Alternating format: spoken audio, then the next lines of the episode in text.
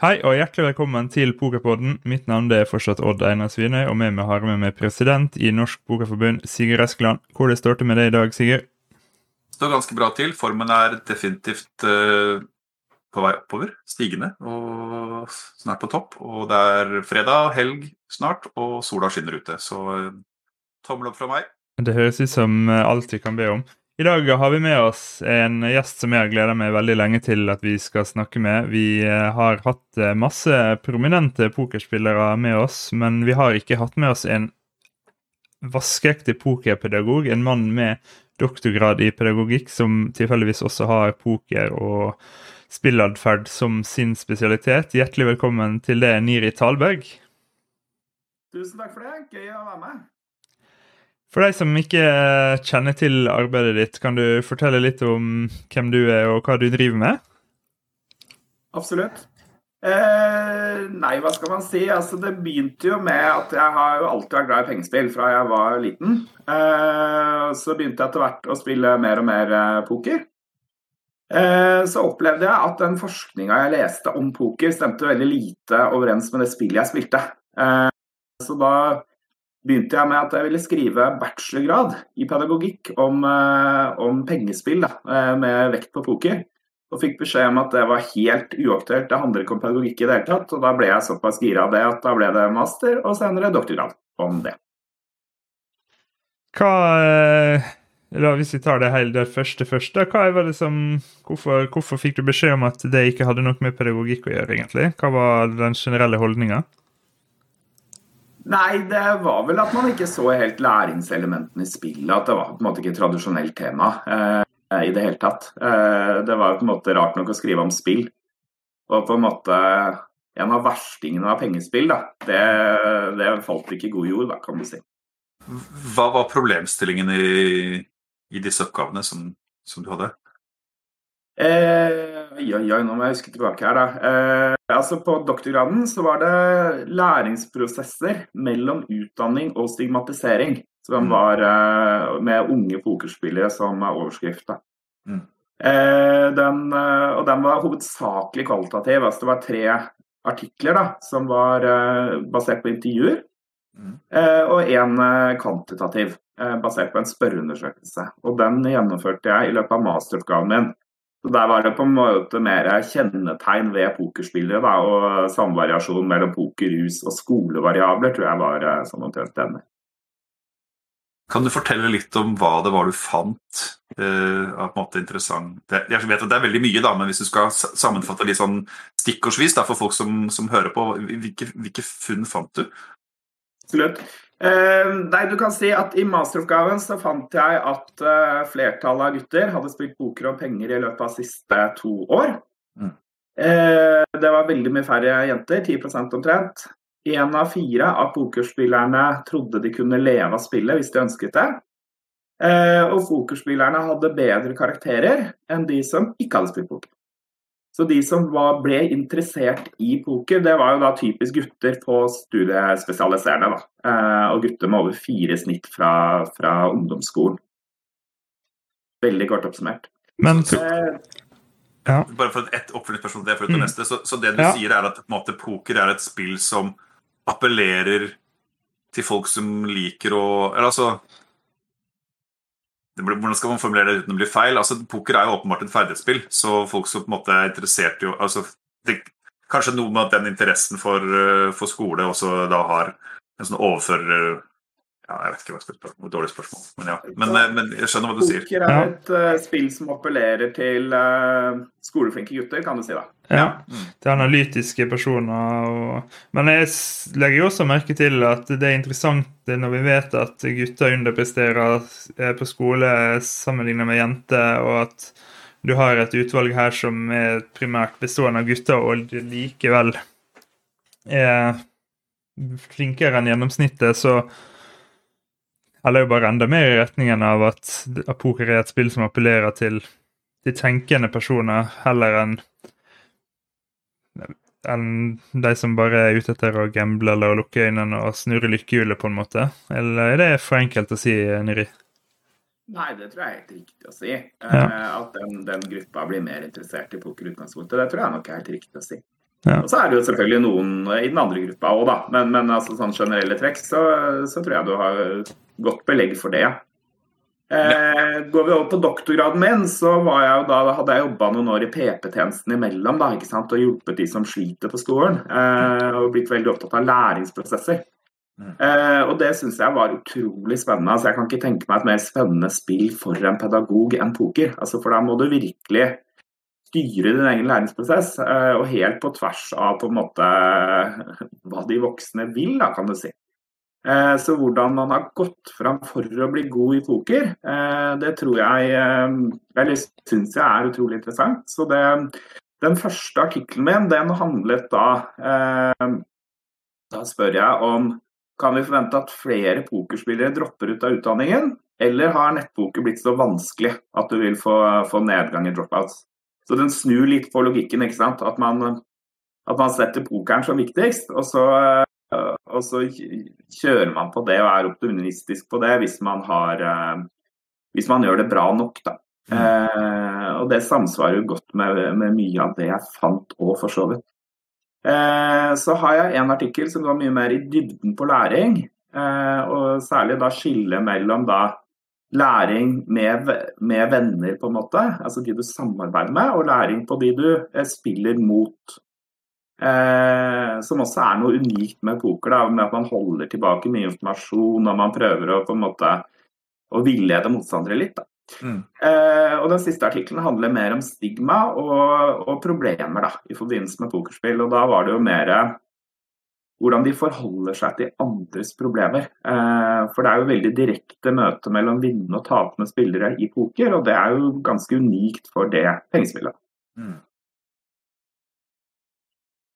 Um, Spennende. Hvordan uh, Hvordan fant du deg, det spesielt i denne første artikkelen, uh, der du uh, ser på med dropouts? For du sier jo at én av fire hadde tro på at de kunne leve av poker. Um, som for oss som følger poker litt tett, så vet vi at én av fire finnes ikke. Uh, at kan leve av poker. Det, da, det går ikke, bare ikke an. Uh, men disse her uh, Altså jeg ville jo tenkt at Hvis du har en av fire som tror at de kan leve av poker, så øker vel sjansen for at de dropper ut fra skolen, eller? Altså, jeg, kan, jeg kan snu på det litt. da, Så kan jeg beskrive en veldig kjent uh, pokerspiller uh, som har i media vært mye framme med følgende historie. Altså, det er en ung mann. eh, droppa ut før bachelor. vunnet turnering på over 8 millioner dollar. og droppa ut da flere år før, før man vant den store gevinsten for å satse på poker. Det tror jeg jeg tenker på det. Felix Steffensen. Det kan være flere, ja. Jeg vet ikke. Det kan absolutt være flere. ikke sant? Felix har hatt den historien veldig, veldig tydelig. Anette Obestad har hatt en veldig lignende historie. Eh, alle vinnere eh, av main event eh, VSOP fra 2008 og fem år på rad, eh, til og med 2012, forteller nøyaktig den historien. Mm. Så Det er en historie som er veldig veldig kjent. da. Ja. Og veldig tydelig for de i, uh, i pokermiljøet. Så det er på en måte ikke det er ikke én, én historie, men det er veldig mange personers eh, historie. Uh, som jeg beskriver der, da. Og, og, det gjorde jo noe at det var på en måte noe man tenkte på. Jeg tror for mange så var jo det ikke tjene de store pengene, absolutt ikke. Men for mange som begynte å spille i liksom gullalderen for poker, så mm. fra 2003 Eh, kanskje fra til og med til 2008. altså Begynte man å spille rundt der, hadde gode læringsstrategier, mm. så var det veldig mulig å, å vinne mye penger, altså. Mm. Og så tror jeg på en måte, Det var ikke sånn at man da planla fra dag én at nå skal jeg eh, droppe ut av skolen og satse på poker, men det var litt mer sånn at det ble sånn. At du ble på en måte veldig gira av deg, og du så at her er det muligheter. Og så, så var det litt opportunisme da, for mange. Mm jeg, jeg, var jo Jeg spilte på den tida, og jeg, følte, jeg har mange ganger etterpå tenkt at jeg følte meg Eller jeg føler meg heldig fordi jeg allerede var ferdig med utdanningen. Eh, for jeg er jo 48 nå, så jeg var ferdig Lærerutdanningen var jeg ferdig i 2001, så jeg var på en måte i gang med jobb og sånn da, den, da det virkelig kom en boom. da, Så da hadde jeg på en måte Jeg, jeg sluttet å jobbe etter hvert, men, men, jeg hadde på en måte i hvert fall den biten i orden. Da. Hvis ikke så tror jeg ganske sannsynlig at jeg også hadde på en måte hoppet av. da, på et tidspunkt der. Det var rett og slett for lukrativt og ja, spennende. Har du noen tanker om hvordan går det med de som satser på poker og ikke lykkes? Så vet vi noe om For det, jeg husker du har skrevet en av, eh, av papirene dine at det er mye lettere å ta igjen utdanning senere enn å ta igjen poker senere. Eh, tar folk igjen utdanning senere, får de seg jobber? Hvordan lander de på beina hvis man prøver? og Har du noen tanker om det? Ja, altså Det var jo på en måte veldig logikken de sto i der. For mange av de, de jeg intervjua, de, de, hadde enten tidligere stått veldig i den dilemmaet mellom utdanning og, og, poker, eller de sto akkurat nå i det dilemmaet. Og da var jo den tanken at liksom, utdanning ligger alltid der. da. Eh, og så tror jeg på en måte det kommer litt an på hvor tidlig du slutter. da. Men jeg tror på en måte veien føles veldig lang hvis du liksom må starte på nytt på bachelor. Da blir det vel heller at man finner andre ting å gjøre. Så trenger ikke det være verdens største ulykke, det, da. Eh, men jeg så jo at eh, det å tape tid var jo på en måte et mye større eh, problem enn å tape penger. ikke sant? Og det å slite med sosiale relasjoner, syns det var vanskelig å kombinere poker med kjæreste eller den type ting. Altså Hvis du har gode læringsstrategier og spille veldig mye poker og reflektere godt rundt det, så tror jeg de fleste klarer å komme Altså ikke, ikke, de fleste hvis alle prøver på det, logisk nok, da, men det er så få som gjør akkurat det. Eh, så da vil jo mange i hvert fall være nærme å gå i null. da. Så det er på en måte ikke de store økonomiske utfordringene, men, men eh, en del beskrev jo at de hadde på en måte ikke klart å fullføre utdanning, og at det ble litt ensomt. da, og At man ikke hadde de store resultatene å vise til. og føler seg veldig annerledes fra de som da ikke er i den pokerbobla. da, Og familie og venner og som syns det er litt rart. da. Det er nok en del som har skrevet. Jeg har lest andre oppgaver som snakker om poker og på en måte spillproblematikk. Og, og, det som jeg leste den, husker jeg ikke det man kan finne fra, men det var, det dansk oppgave. i hvert fall så var Konklusjonen der at det, eh, største problematikken i forhold til poker var ikke nødvendigvis at man tapte penger, men at som du sier, tid, at, man, at man på en måte, det var litt mer lignende sånn dataspillavhengighet. at Man brukte, kunne bruke utrolig mange timer da, å sitte liksom 16 timer i strekk osv. når man først var inne der. Og at det var mer utfordring kanskje enn å på en måte tape mye penger. da. uh, noe litt av det samme som du også var inne på her. Ja, det høres, det høres veldig ut som Ole Bjerg, og det, ja, det høres riktig ut. Mm. Ja, ja.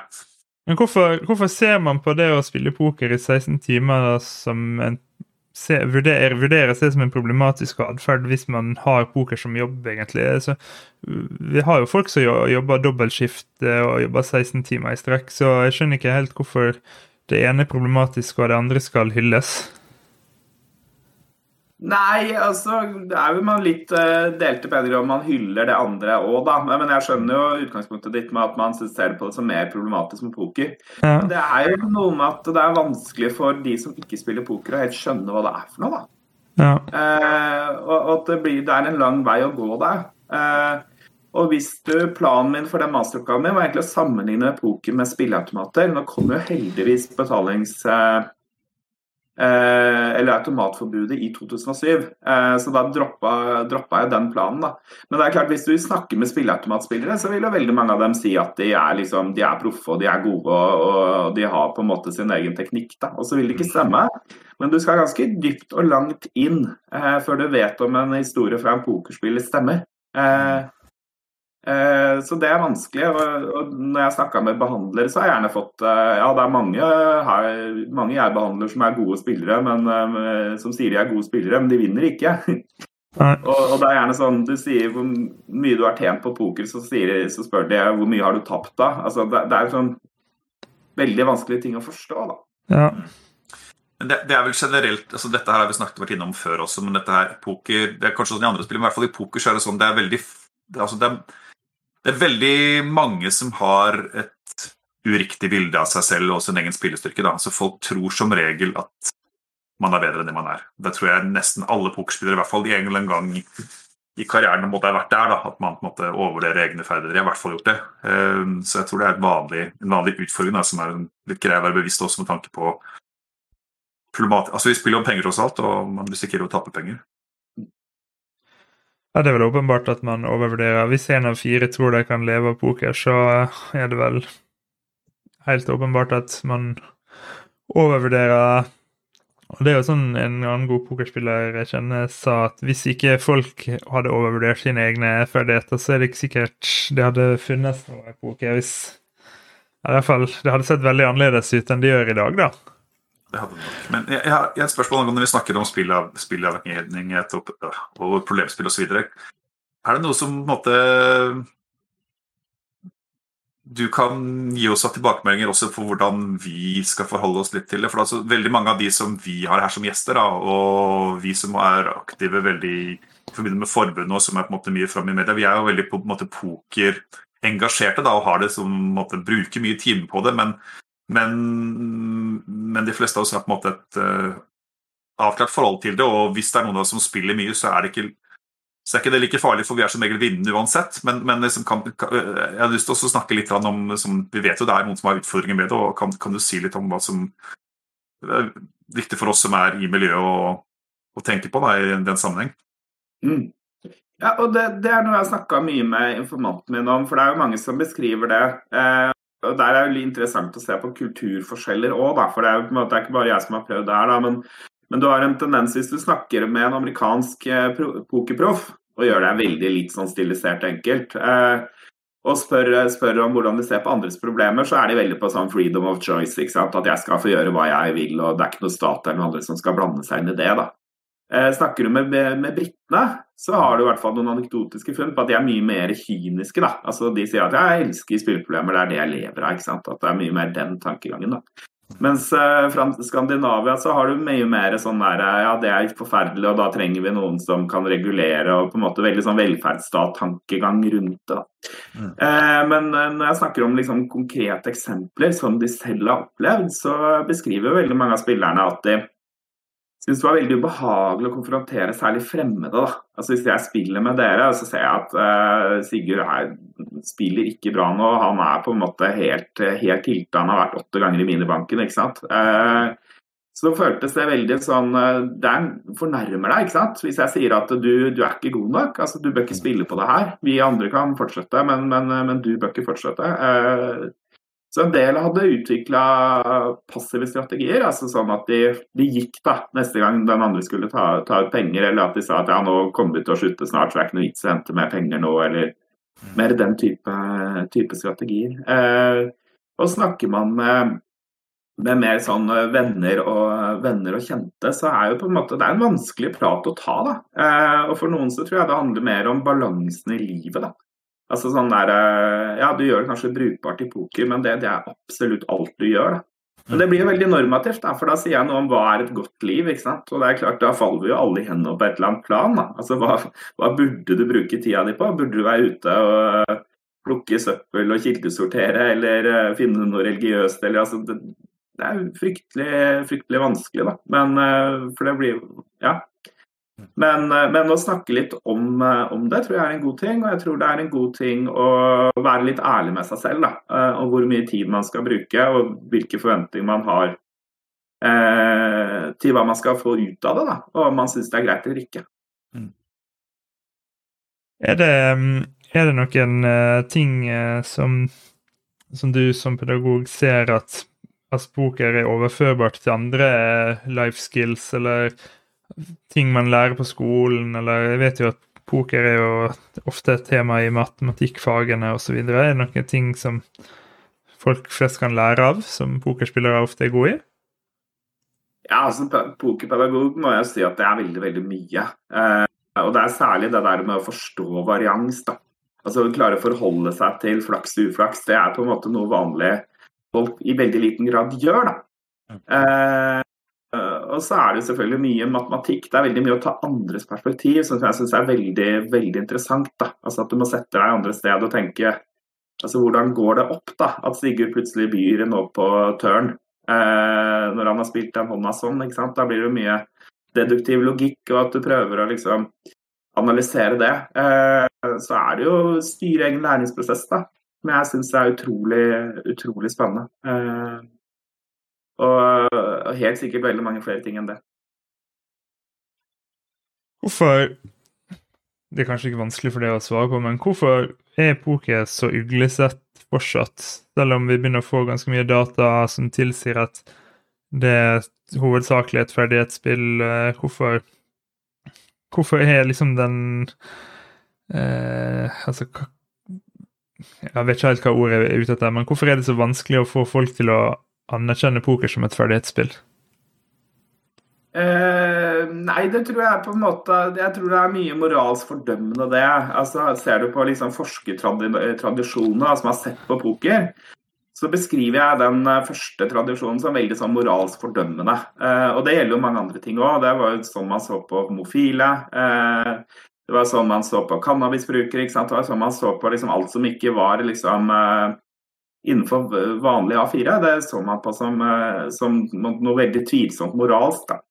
Eh, og der finner du noe, hvis du ser på status mellom ulike pengespill, så finner du at en del eh, andre altså som kanskje driver med hestetipping eller sånne ting, syns at pokerspill er veldig kyniske. da, og At de på en måte veldig lurer hverandre. og at det er på en måte mm. eh, robbery by mutual agreement, er noen som kaller det for. ikke sant, Og, og sier at eh, at selv om det er på en måte at man er enig at man skal, eh, skal, slåss, så prøver man liksom veldig å lure hverandre. da. Jeg beskriver poker som en intellektuell kampsport.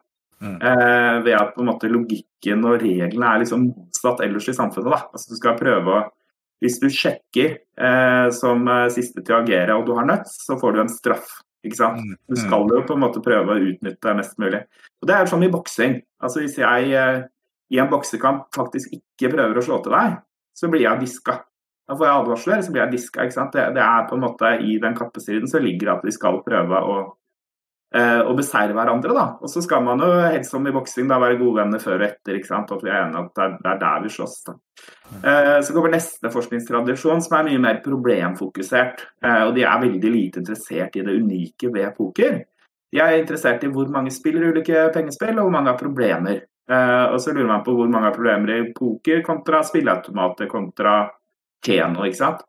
Uh, og da er det på en måte Med en gang man prøver å problematisere litt de spørsmålene da, som typisk tyder på avhengighet, som ting som at du har løyet om innsats, at du har økt innsats, uh, og at du har prøvd å vinne tilbake det tapte. Mm. Altså Alle de tre tingene tror jeg er du er helt avhengig av å gjøre hvis du skal bli god i poker. Altså Hvis du ikke øker innsatsen, så, så, kan du på en måte ikke vinne store penger på poker, helt åpenbart. Og hvis du ikke prøver å vinne tilbake det tapte, så er det jo en underlig jobb du har, da. Eh, og det at du lyver om det, tenker jeg at det er noe logisk hvis du opplever at ingen andre forstår deg, og at det er, eh, er veldig annerledes, så orker du ikke å ta den diskusjonen hver gang. Eh, mens jeg er mer fra en sånn pokerspesifikk eh, tradisjon og mener at poker er et helt unikt spill, helt forskjellig fra andre pengespill. Eh, jeg tror ikke jeg tar veldig feil hvis jeg sier at det er det eneste eh, pengespillet hvor du stabilt i lengden kan tjene penger. Eh, for hvis du driver med oddssammenligning, så gjør du det bedre enn bookmakerne. Det er ikke noe tvil om det, men da blir du limitert. Da. Og da vil jo på en måte den, den gevinsten din være på en måte ikke, ikke meningsfull, på en måte. da. Da får jeg lov til å satse 50 kroner, 50 kroner per kamp, da, mens du som har et problem for, for Mm. Eh, tape en million. Eh, men mer over på hvorfor det er stigmatisert, det ble et veldig langt svar her. Eh, så tror jeg det er fordi man ser mye problemer i forbindelse med det. og så tenker man at man vil ikke at folk skal drive med det. Mm. og da tror jeg jo mange selv om det har vært veldig tøffe eh, diskusjoner mellom bl.a. Lotteritilsynet og pokerspillere opp igjennom, og hvor mye ferdigheter det er i det, så så liker man litt å lande på en sånn nonsensdefinisjon, at det er helt eller litt tilfeldig. Og det er jo helt riktig, det er helt eller litt tilfeldig, men det er jo alltid livet, da. Mm. Eh, og skal du si noe meningsfullt om eh, ferdighetselementet i poker, så må du jo eh, se det over tid, ikke sant. Altså hvis vi tar og deler opp én pokerhånd i den viktigste delen, så er jo det utdelingen av kort. Altså Det er jo det som har mest å si for hvordan den hånden vil gå. Eh, mm. og da vil jeg gjøre det like bra som dere. Mm. Og får jeg par S, så vil jeg eh, slå dere en enkelthånd i de aller fleste tilfellene. ikke sant? Mm. Eh, men eh, Og da kan du si at på den e-, ene delen så er jo ferdighetselementet null. ikke sant? Tilfeldighetselementet 100 eh, Ser du på et uendelig antall hender eller én million hender eller noe sånt, da, så er det jo ingen tilfeldigheter igjen. ikke sant? Det er jo bare ferdigheter som står igjen. Det er jo ikke veldig vanskelig å forstå det. Altså, jeg tror nok de aller fleste som ønsker å forstå det, klarer å forstå det. Men så jeg tror nok det er litt sånn retorikk og litt sånn at man ikke vil Altså Hvis du sier at det er ferdighetsspill, så tenker du at det er flere som begynner med det.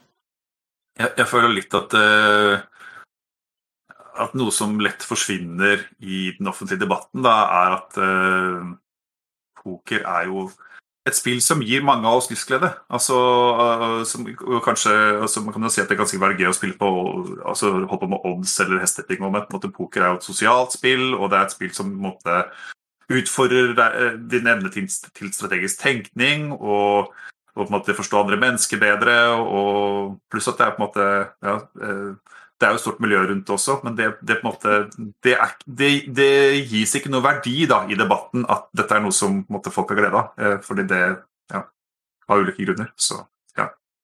ja, og så synes jeg jo at hvis du er på, en måte på, på tur, da jeg har vært i Las Vegas en del ganger annet, så får du muligheten å spille med lokalbefolkningen. Det er veldig vanskelig for meg å liksom dra dra til Nevada og så henge med lokalbefolkningen på, på en meningsfull måte. Eh, men det får du virkelig poker, og det er jo uansett hvilket land du, drar til hvor du kan spille.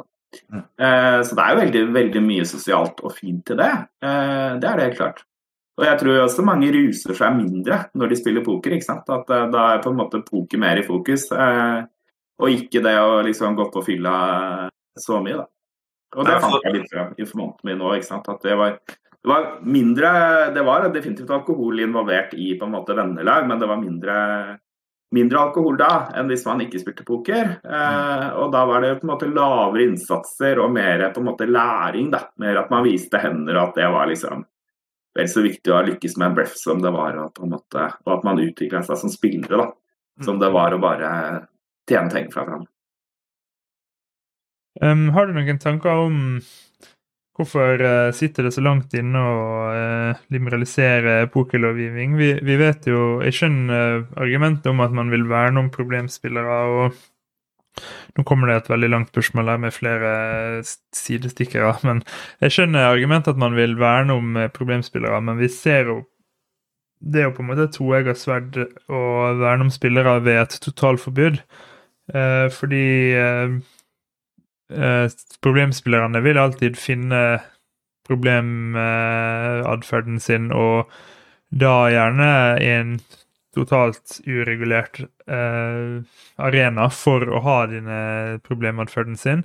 Samtidig så ser vi jo at det er flere studier som påpeker at online-poker og poker generelt eh, Sjansen for å utvikle problematferd er liten til moderat. Så jeg sliter litt med å skjønne hvorfor, hvorfor det sitter så langt inne å liberalisere pokerlovgivning. Ja, og da blir vi mye mer normative igjen, ikke sant. Eh, og det prøver jeg ikke være så mye, da. Altså jeg prøver mer å på en måte opplyse. For det er noe med at hvis jeg begynner å være mye mer mye normativ og si mye hva jeg selv mener, så lytter ikke de som ikke er interessert, eh, enig med meg, eh, lenger til meg. Uh, så jeg prøver mer å spre kunnskap uh, om poker da, uh, mm. enn å mene altfor mye. Men det er klart det er jo åpenbart at det er spilleproblemer i, forbindelse med poker. og det er jo verre når det kommer til spilleproblemer enn en mange andre pengespill. Altså Det verste vi kjenner til, er spilleautomater. Helt åpenbart. Det er liksom crack cocaine av, av, av pengespillproblemer. Uh, og det er store forskjeller på cash game og turneringspoker. ikke sant? For du har jo mye mer en litt til problematikk uh, i cash game. da. Mm. Uh, så, det, så jeg skjønner at man har noe lovregulering av poker. Det skjønner jeg veldig godt at man har. altså. Men da kan, han, da kan han opplyse, og så kan vi mene, da, vet du, og det er, det er ja. vår jobb å mene hvorfor og Ja, ja, det, ja absolutt. Men jeg ser liksom ikke Jeg ser ikke noen gode argument for at Norsk Tipping f.eks. ikke skal tilby nettpoker. Eh, for eh, Norsk Tipping har jo som samfunnsoppdrag å kanalisere spill inn til en trygg arena, eh, og det gjør ikke de når det kommer til poker. Og det forstår jeg ikke. Vi får håpe, det, vi får håpe de snur på, på det etter hvert, et eller annet sted. Eh, så, altså, Norsk Tipping må jo selvfølgelig svare for, eh, for hva, hva, de vil tilby. og selvfølgelig Eierne må jo, staten må jo si hva, de, eh, hva, vi ønsker at de skal tilby. Men vi så jo da Svenska Spel begynte å tilby nettpoker, at det var veldig strenge regler da man begynte. Eh, med at sida var stengt eh, om natta. Jeg husker ikke om det var fra midnatt til seks om morgenen eller hvor det var. Veldig begrensa både med innsats og, og, mange andre ting. Og så ble reglene mer og mer liberale, for da var argumentet at man tapte veldig mange spillere til, til eh, måte andre sider. da. Eh, så det er vel det man frykter litt. da, At du lærer opp eh, spillere, og så sender du dem andre sider hvis du ikke lykkes tilstrekkelig med DNS-blokkeringen. i hvert fall. Og så tror jeg på en måte at de marginene som Norsk Tipping eh, opererer med, altså hvor mye rake, eh, for å bruke pokerbegrepet, da, de vil kreve på et sånt spill, gjør at, uh, at der vil det i hvert fall være veldig få som uh, tjener penger. Det er jo en utrolig brutal skattlegging av pengespill i Norge. Det er jo ingen tvil om. Altså, på tilfeldighetsspillene som Lotto og sånn, så er det jo 50% skatt. Men da betaler du i forkant, ikke sant. Så du, halvparten av innsatsen din går til gevinster, og halvparten går til, går til ja, Norsk og forskning og administrasjon og alle de tingene der. ikke sant? Så, og det er en veldig regressiv skatt. ikke sant? Det er jo de som har minst penger fra før, som, eh, som bruker mest penger på, på, den type spill, i hvert fall. Jeg har lyst til å spørre deg, Får du noe tid til å spille poker sjøl? Eh, du snakket om Las Vegas og sånn. Hender det at du har muligheten til å ta noen reiser? og Er det jobbreiser, eller er det fritidsreiser, eller er det blanding? Det har blitt lite, altså. altså. Det har blitt veldig lite pokerspill for egen del. Eh, og forskning er noe som tar utrolig mye fritid òg. Eh, eh, og så har jeg en liten tass på tre òg, så, så, det er på en måte noe, noe vennelag syns det er kjempegøy. Eh, eh men, eh, men, Og jeg har også blitt en mye dårligere spiller, da, så jeg har på en måte ikke klart å holde takt med, takt med utviklinga. Så, uh, er du forberedt på at han som 17-åring kommer og sier at din sønn at han skal begynne å satse på poker når han blir 17 år? Du, har du liksom planen klar for hva du skal svare da? Ja, ja, ja, det har jeg. Eh, og da har vi spilt eh, poker før òg. Eh, så jeg er ikke negativ til at han spiller noe poker. Han får ikke lov til å spille om penger før han er 18. Mm. Og vi skal ha noen eh, noe diskusjoner om innsats og alt mulig sånn. da. Eh, men jeg tror jo det blir Det kommer til å være beintøft og, og gjør det veldig bra i poker når han har blitt 17. Det tror jeg er klart. Så det er tidsmaskin å dra tilbake til da du begynte å spille, det, det tror jeg er veldig, veldig god plan. Det har jeg tenkt mange ganger at jeg gjerne skulle gjort, men ja. Som, som, pedagog, hvem er det som blir god i poker? Eller hva må du gjøre for å bli god i poker? Eh, du må reflektere eh, rundt eget spill. Det er det viktigste. Det er på en måte ikke mengdetrening det handler om, men det handler om å finne det handler det selvfølgelig også om, men det handler vel så mye om å finne på en måte gode muligheter for læring. da.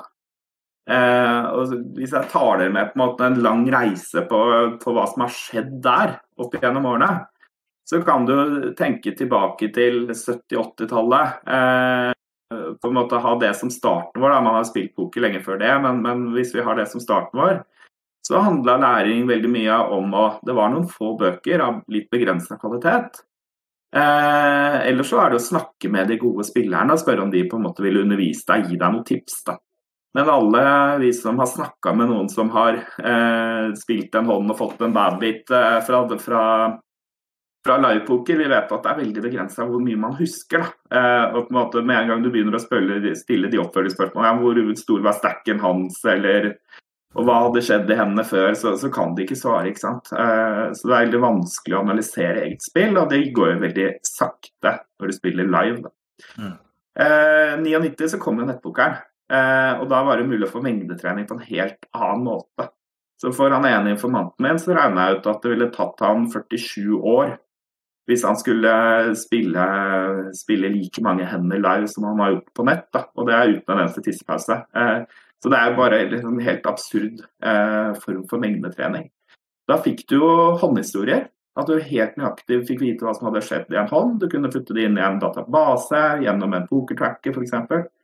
Eh, og begynne å gjøre beregninger av eget spill som gjorde at det var liksom noe helt, helt annet. Eh, og det som kanskje langt flere fikk med seg, det var jo at da begynte det å komme TV-sendinger hvor man viste hullkortene. ikke sant? Og Det tror jeg fortsatt er kanskje en av de bedre læringsmetodene. Altså, går du og ser på, på noen av de store pokereventene, se på VSOP f.eks., og du ser på de uredigerte opptakene, så ligger jo det ute. Eh, så kan du se liksom hvordan de aller beste spillerne i verden spiller sammenhengende i ti timer. Da. Eh, og det var jo ikke mulig å gjøre før, da, når de bare liksom filma bordet. Og det at man kunne sitte to stykker og spille nettpoker sammen, så kunne jeg og Sigurd sitte og diskutere hender. Det er i hvert fall noe jeg har lært utrolig mye av. Eh, og som på en måte ikke var mulig før nettpoker heller. Da. For da kunne du ikke hvis du hadde sittet ved siden av meg på, på kasino, så ville det sett veldig rart ut. Da. Og jeg tror de ikke hadde likt så godt at vi diskuterte hender.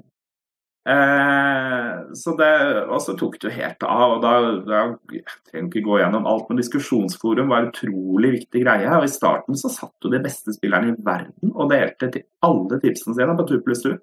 Altså, det var helt utrolig hvor mye, hvor raus man var da. Før det begynte å bli mye vanskeligere å spille poker og tettere. da. Eh, og man fikk jo etter hvert eh, botter man kunne, kunne, lære av. altså Se på universitetet i Alberta, som har forska mye på kunstig intelligens og hvordan, hvordan, datamaskiner kan bli best mulig.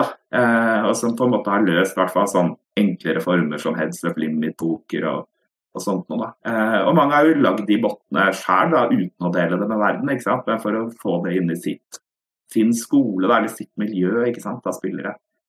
Eh, og så er det klart at å begynne å jobbe med rangers, altså med liksom de ulike hendene en motstander kan ha, begynne å jobbe med solvers altså Det er ja, utrolig mange nye læringsressurser. Og, og, og videoer kan jeg nevne til slutt, da, som noe som mange hadde veldig stort eh, på coaching. Som mange har hatt veldig stort utbytte av. Altså, så læringsressursene bare eksploderte i løpet av de, eh, de eh, årene der. Ja, jeg er helt enig i det. og Det er tydelig at uh, ferdighetsaspektet bare blir mer og mer synlig. og Det er nok ikke tilfeldig, som du sier, at når sønnen din blir 17, så er det fryktelig mye vanskeligere å bli god i poker i dag enn det er i dag. Og allerede i dag er det mye vanskeligere enn før. Ja, Så det går jo bare én vei, dette der. Ja, da så finner man opp stadig nye pokervarianter, og det er jo noe en del av informanten beskriver òg, at det er en mulighet for, uh, for, å på en måte være først inni noe. da. Mm. Uh, så det er jo det er jo et sånn evig kappløp. Og så er det klart at, uh, og sjakken er jo ikke død selv om Carlsen er sjanseløs mot beste, beste datamaskin. ikke sant? Nei, altså, jeg, Unnskyld. jeg, jeg, tror bare at uh, altså Én ting er på en måte at det finnes så mye læringsressurser nå at det er så mye lettere å tilegne seg kunnskap, men en annen ting er at folk, flere folk skjønner også eh, hvor vanskelig poker er, og at det fins veldig stor nivåforskjell. Jeg tror at I gamle dager så var det flere som bare gikk inn og så det som en, mer som en gamblingspill, og så tenkte jeg her er det bare å gå inn og gjøre så, mens nå så vet folk mer at det, på en måte skal, sitter på det bordet, så møter du folk som har brukt utallige timer på det. Så jeg tror det er litt med det å gjøre at det er færre som tror at de bare kan gå inn og vinne uten å gjøre noe som helst forarbeid. da, Som gjør at det også blir vanskeligere nå, tror jeg. En side til ved pokermiljøet som har fascinert meg veldig. Da, for Jeg har forska ganske mye på, på, forskjellige ting. Det er poker jeg har forska mest på, da, men jeg har forska på politiet, jeg har forska på studieforbund, barnehager altså Veldig mye oppdragsforskning har jeg, eller i hvert fall en del oppdragsforskning har jeg drevet med. og Det er ingen gruppe det er vanskeligere eh, å få intervjue med enn pokerspillere. Mm. Og det beskrives veldig mye i litteraturen òg. Altså det, det, å på en måte, og særlig få tak i liksom de beste spillerne, få de til å stille opp til intervju, det er veldig, veldig vanskelig. Eh, men i den doktorgraden min så siterte jeg en som heter Philip Newell, eh, som er postdoktor i Australia, tidligere profesjonell eh, pokerspiller. Eh, var veldig aktiv på 2 pluss 2. Eh, så vi holder på med et prosjekt sammen, og han har jo tilgang til eh, kontakter på en helt, helt annen måte enn meg. da. Mm. Så nå senest i natt så hadde vi jo et intervju med altså virkelig eliten i verden av, av spillere. Eh, så utrolig spennende, altså. Eh, og vi har hatt 19 intervjuer så langt, da, så det gleder jeg meg til å publisere på etter hvert. da. Mm. Du får si fra hvis du trenger noe flere, da, så vi har ja, kontakter vi har i det ja. norske miljøet som, eh, som, vil stille hvis det trengs, kan jeg love. Så, og også som, oss som ikke er like gode lenger, men som har spilt mye, kan også love å stille. Så du får bare si fra hvis du trenger noe der. Så bra. Ja, men det er, det er jeg veldig glad for. Altså. For det, det var fryktelig vanskelig under avhandlingen min. Altså. De aller, aller fleste sa nei. Ja. Og det var jo på en måte litt den samme frykten. ikke sant? Man var jo veldig redd for hvordan vil dette bli framstilt. da, Og kan man, eh, kan man stole, stole på forskerens intensjoner. Mm. Det, ja. Men det sier jo noe om at det er på en måte et litt sånn lukka miljø på flere måter. da. Altså Det er både, både åpent og lukka, men det er på en måte altså, og, og oppfatningene om poker fra de utafor poker er veldig lukka. ikke sant? De er veldig lite klare for å ta den diskusjonen. Ja. Hvis jeg sier liksom, Nå har jeg holdt på med å forske på poker i 15 år, ikke sant? og jeg sier at det er definitivt et ferdighetsspill, så er det veldig mange som bare sånn Nei, nei, det vil jeg ikke være med på. Jeg, jeg tror at uh, noe av grunnen til at folk er skeptiske til å stille opp, er at man er på en måte vant til at poker alltid på en måte kommer dårlig ut i alle sammenhenger. Altså, altså, eh, avisene vil bare skrive om poker hvis det er en eller annen skandale, eller hvis det, er annen, hvis det har vært eh, et ran, eller hvis det har vært et eller annet, et razzia eller et eller annet sånt. Da vil de skrive om det. Men, men, men jeg tror man er vant til at poker alltid blir negativt fremstilt, så, man, så jeg tror at man på en måte i utgangspunktet er skeptisk til alt som skal alle henvendelser utenfra. Jeg tror det har noe med det å gjøre òg, i hvert fall. At, ja. Fullstendig enig i det. altså. Helt, helt åpenbart en, en, en, en forklaring på det. Har du muligheten til å eh, fortelle litt om eh, dette nye prosjektet du holder på med? Hva er det dere ser på? Du nevnte at du hadde snakka med, med topp, eh, toppspillere internasjonalt. Er- Hva er det dere er ute etter? Vi er på en måte ute etter eh, mye av det samme som jeg gjorde i avhandlingen. da. Eh, på en måte Beskrive læringsprosesser og hvordan de har gått fram. da. Eh, og Der er det veldig mange som beskriver at de har hatt veldig mye flaks. Eh, men den flaksen den handler ikke om eh, kortene, men det handler om å komme i de rette miljøene. Eh, og på en måte møte de rette som gjør at læringen deres utvikler seg videre. Mm. Eh, diskusjonsforum blir beskrevet som veldig veldig viktig, og så etter hvert mye mer avanserte. Eh, og mer kunstig intelligens, da, sånn type solvers, som type på en måte virkelig analyse av eget og motstanderens spill. Eh, veldig mange har beveget seg over eh, fra liksom begynne å spille altså Tar vi en typisk historie, så er det noen som da eh, har vært moderat interessert i kortspill fra barnsben av. Så har man kommet på college kanskje eh, og sett at det var poker absolutt overalt. Og da typisk vært på den tida du starta, Sigurd, altså på liksom tidlig 2000-tall. Mm. Eh, så har man spilt i sånne små homegames som kjempesmå summer. Og så har man etter blitt mer og mer eh, interessert i å lære seg spillet. da. Kanskje lese litt litteratur på det. Eh, Snakka med noen andre som var eh, eldre og bedre, men ikke i nærheten av det nivået man senere kommer på. Og så har man på en måte blitt veldig veldig opptatt av å bli bedre og komme til riktige miljøer. da. Og så er det og da stadig økt i stakes. da. Eh, og Sklansky, eh, eh, Limit Holden for beginners, er på en måte et veldig godt sted å starte. Jeg husker jeg selv brukte den masse. Da fikk du liksom en fasit. De- Sånn skal du spille denne gruppen hender fra den posisjonen. ikke sant? Mm. Kjempeutgangspunkt for å begynne. Og så har man på en måte blitt mye mer avansert da, og skjønt at det er noe som heter game theory optimal, så er det noe annet som er en mer uh, exploitive strategi. da, eh, Og forskjellen på dem. og, og og jobba veldig mye godt rundt det. Og, og har man kommet eh, langt nok, så må du på en måte ansatte programmere til å på en måte jobbe med de, de dataene dine skikkelig. Og virkelig jobbe med solvers og virkelig jobbe med ja, veldig mye av det rundt. Niri, har du lyst til å fortelle litt om eh, akkurat hva du jobber med nå for tiden, eh, til oss og de som hører på? Veldig gjerne. Eh, Jeg jobber for et sted som heter Kompetansesenter RUS, Region Øst, altså Korus Øst. Eh, Vi får penger fra Helsedirektoratet. Og vi har da eh, pengespill og problematisk dataspill som et eh, nasjonalt ansvarsområde. Mm. Eh, Så vi gjør en del egen forskning på det. Vi har et studie på masternivå som man gjerne kan søke gjennom Høgskolen Innlandet. Eh, og vi har en egen podkast hvor vi eh, diskuterer eh, tematikken, og den heter Spillradioen, hvis noen vil sjekke ut det. Og helt til slutt så kan jeg anbefale et brettspill vi har laget, eh, som skal få folk til å lære mer om penge- og dataspill, og det heter Metaspillet, eh, og kan bestilles helt gratis fra oss. Det skal vi gjøre, Deinar, Skal vi ikke det? Bestille det? Absolutt. Det, det hørtes utrolig spennende ut, og det skal jeg bestille og, og sjekke ut, helt klart. Vi legger ved lenke også inn i, på Facebook osv. Når, vi- når vi reklamerer for den podkasten når den er ute, sånn at folk som hører dette her, kan lett finne fram til til dere. Veldig bra.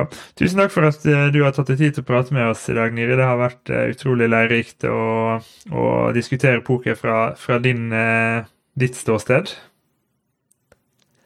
Tusen takk. Kjempegøy å være her. Takk for at du har hørt på dagens episode av Pokerpodden. Neste uke får vi besøk av eh, superstjernen Robert Kaggerud. Hvis eh, du har spørsmål til Robert eller eh, andre kommentarer, så er det bare å sende en melding til oss på Facebook eller på Twitter, eller kommentere bildet av Robert som vil komme på Facebook. Vi ses igjen neste uke. Rønn godt!